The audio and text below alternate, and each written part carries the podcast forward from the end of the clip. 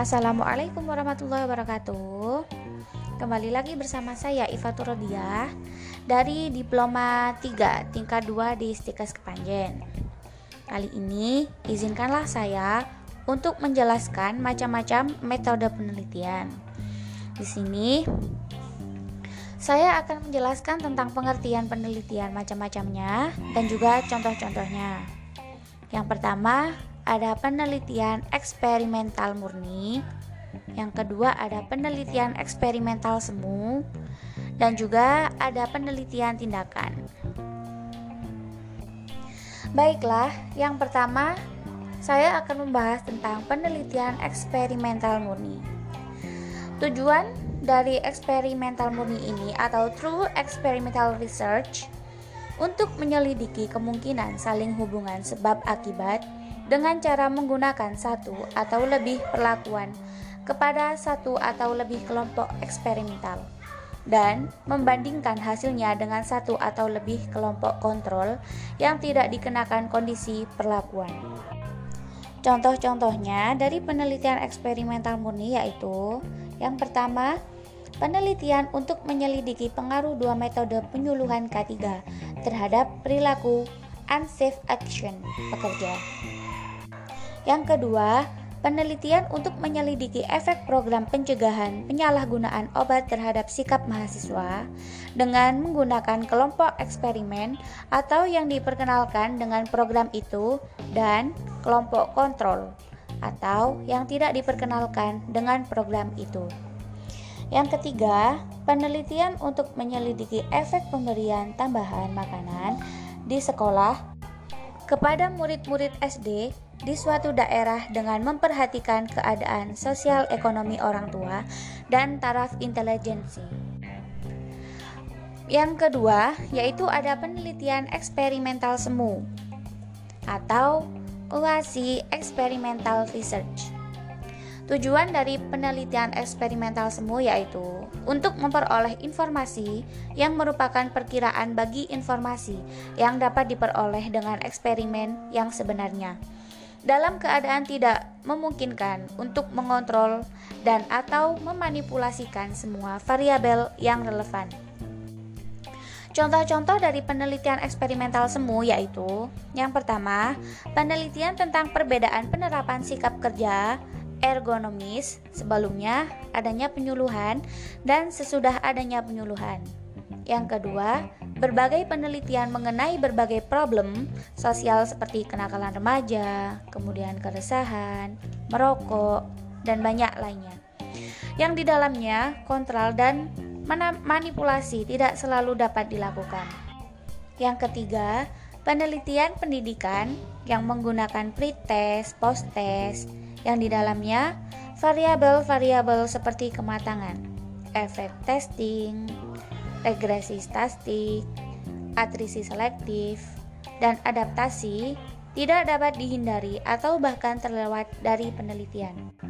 Baik, untuk yang terakhir, saya akan menjelaskan tentang penelitian tindakan atau action research, yaitu tujuan dari penelitian ini untuk mengembangkan keterampilan-keterampilan baru atau cara pendekatan baru dan untuk memecahkan masalah dengan penerapan langsung di dunia kerja atau di dunia aktual lain. Contoh-contoh dari penelitian tindakan ini yaitu yang pertama, penelitian untuk memecahkan masalah apatisme dalam penggunaan teknologi modern atau metode penanaman kacang tanah yang inovatif. Yang kedua yaitu suatu program in-service training untuk melatih para konselor bekerja dengan anak putus sekolah. Kemudian, yang ketiga, penelitian untuk menyusun program penjagaan dalam pencegahan kecelakaan pada pendidikan mengemudi. Baiklah, teman-teman, itu tadi penjelasan dari metode penelitian dan juga contoh-contohnya. Semoga bisa dipahami juga bisa dapat bermanfaat bagi kita semua. Dan apabila banyak salah, saya pribadi mohon maaf yang sebesar-besarnya karena dan juga banyak kekurangan dari diri saya sendiri.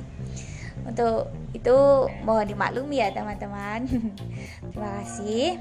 Semoga bermanfaat bagi kita semua. Dan sampai jumpa kembali di lain waktu. Wassalamualaikum warahmatullahi wabarakatuh.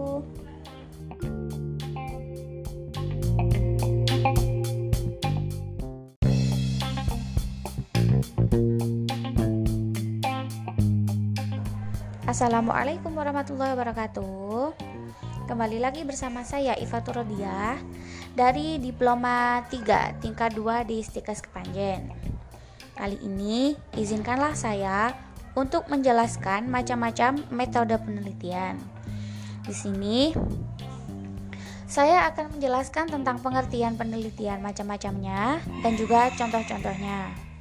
Yang pertama, ada penelitian eksperimental murni, yang kedua ada penelitian eksperimental semu, dan juga ada penelitian tindakan. Baiklah, yang pertama saya akan membahas tentang penelitian eksperimental murni. Tujuan dari eksperimental murni ini atau true experimental research untuk menyelidiki kemungkinan saling hubungan sebab akibat dengan cara menggunakan satu atau lebih perlakuan kepada satu atau lebih kelompok eksperimental dan membandingkan hasilnya dengan satu atau lebih kelompok kontrol yang tidak dikenakan kondisi perlakuan. Contoh-contohnya dari penelitian eksperimental murni yaitu yang pertama, penelitian untuk menyelidiki pengaruh dua metode penyuluhan K3 terhadap perilaku unsafe action pekerja. Yang kedua, penelitian untuk menyelidiki efek program pencegahan penyalahgunaan obat terhadap sikap mahasiswa dengan menggunakan kelompok eksperimen atau yang diperkenalkan dengan program itu dan kelompok kontrol atau yang tidak diperkenalkan dengan program itu. Yang ketiga, penelitian untuk menyelidiki efek pemberian tambahan makanan di sekolah kepada murid-murid SD di suatu daerah dengan memperhatikan keadaan sosial ekonomi orang tua dan taraf intelijensi. Yang kedua, yaitu ada penelitian eksperimental semu atau UASI Experimental Research. Tujuan dari penelitian eksperimental semu yaitu untuk memperoleh informasi yang merupakan perkiraan bagi informasi yang dapat diperoleh dengan eksperimen yang sebenarnya dalam keadaan tidak memungkinkan untuk mengontrol dan atau memanipulasikan semua variabel yang relevan. Contoh-contoh dari penelitian eksperimental semu yaitu yang pertama, penelitian tentang perbedaan penerapan sikap kerja ergonomis sebelumnya adanya penyuluhan dan sesudah adanya penyuluhan. Yang kedua, berbagai penelitian mengenai berbagai problem sosial seperti kenakalan remaja, kemudian keresahan, merokok, dan banyak lainnya. Yang di dalamnya kontrol dan manipulasi tidak selalu dapat dilakukan. Yang ketiga, penelitian pendidikan yang menggunakan pretest, post-test, yang di dalamnya variabel-variabel seperti kematangan, efek testing, regresi statistik, atrisi selektif, dan adaptasi tidak dapat dihindari atau bahkan terlewat dari penelitian. Baik, untuk yang terakhir, saya akan menjelaskan tentang penelitian tindakan atau action research, yaitu tujuan dari penelitian ini untuk mengembangkan keterampilan-keterampilan baru atau cara pendekatan baru dan untuk memecahkan masalah dengan penerapan langsung di dunia kerja atau di dunia aktual lain. Contoh-contoh dari penelitian tindakan ini yaitu yang pertama, penelitian untuk memecahkan masalah apatisme dalam penggunaan teknologi modern atau metode penanaman kacang tanah yang inovatif. Yang kedua yaitu suatu program in-service training untuk melatih para konselor bekerja dengan anak putus sekolah. Kemudian, yang ketiga, penelitian untuk menyusun program penjagaan dalam pencegahan kecelakaan pada pendidikan mengemudi. Baiklah teman-teman, itu tadi penjelasan dari metode penelitian dan juga contoh-contohnya. Semoga bisa dipahami, juga bisa dapat bermanfaat bagi kita semua.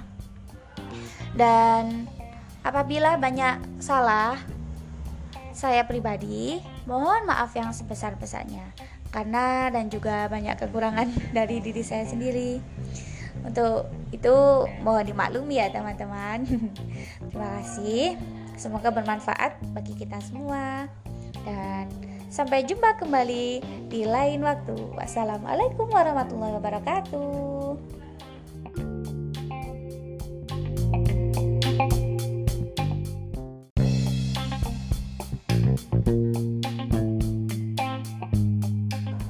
Assalamualaikum warahmatullahi wabarakatuh. Kembali lagi bersama saya Ifatur Rodiah dari Diploma 3 tingkat 2 di Stikas Kepanjen. Kali ini, izinkanlah saya untuk menjelaskan macam-macam metode penelitian.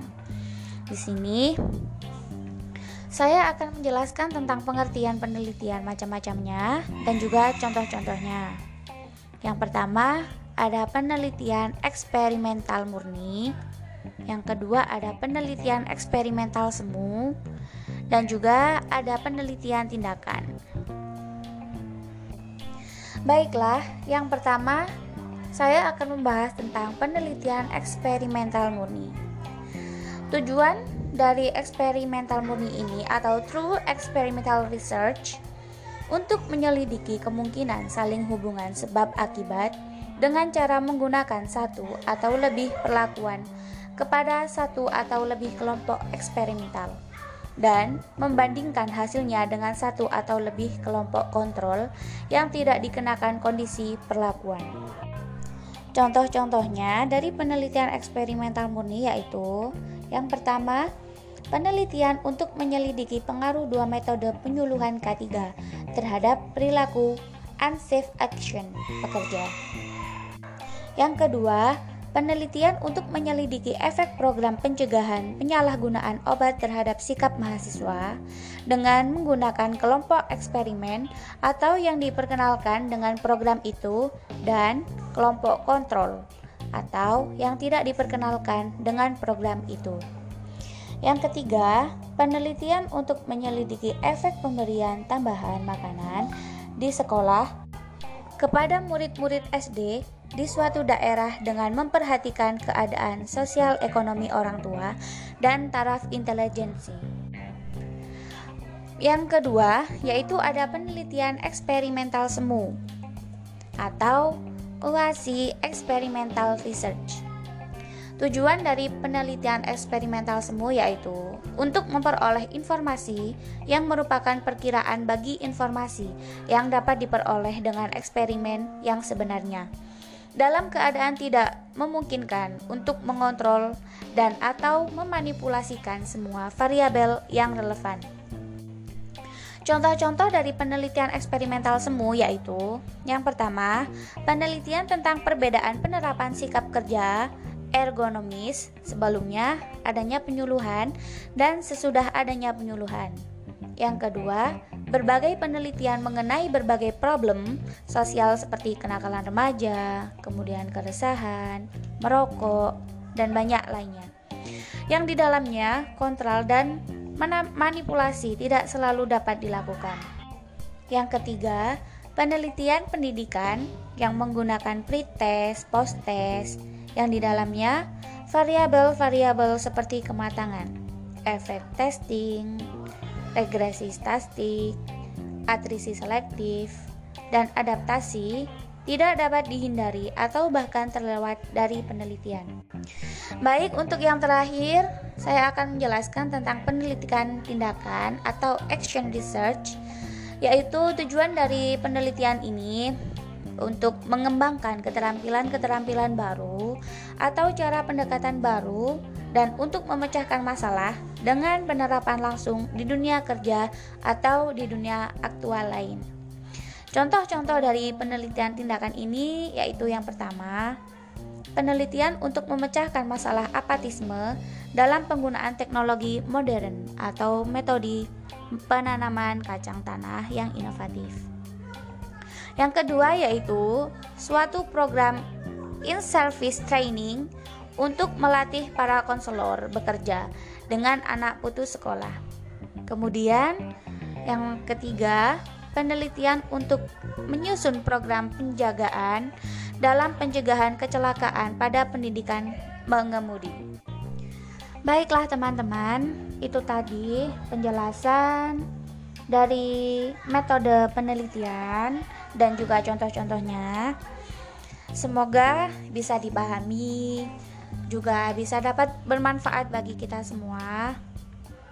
Dan apabila banyak salah, saya pribadi mohon maaf yang sebesar-besarnya karena dan juga banyak kekurangan dari diri saya sendiri. Untuk itu mohon dimaklumi ya teman-teman. Terima kasih. Semoga bermanfaat bagi kita semua. Dan sampai jumpa kembali di lain waktu. Wassalamualaikum warahmatullahi wabarakatuh.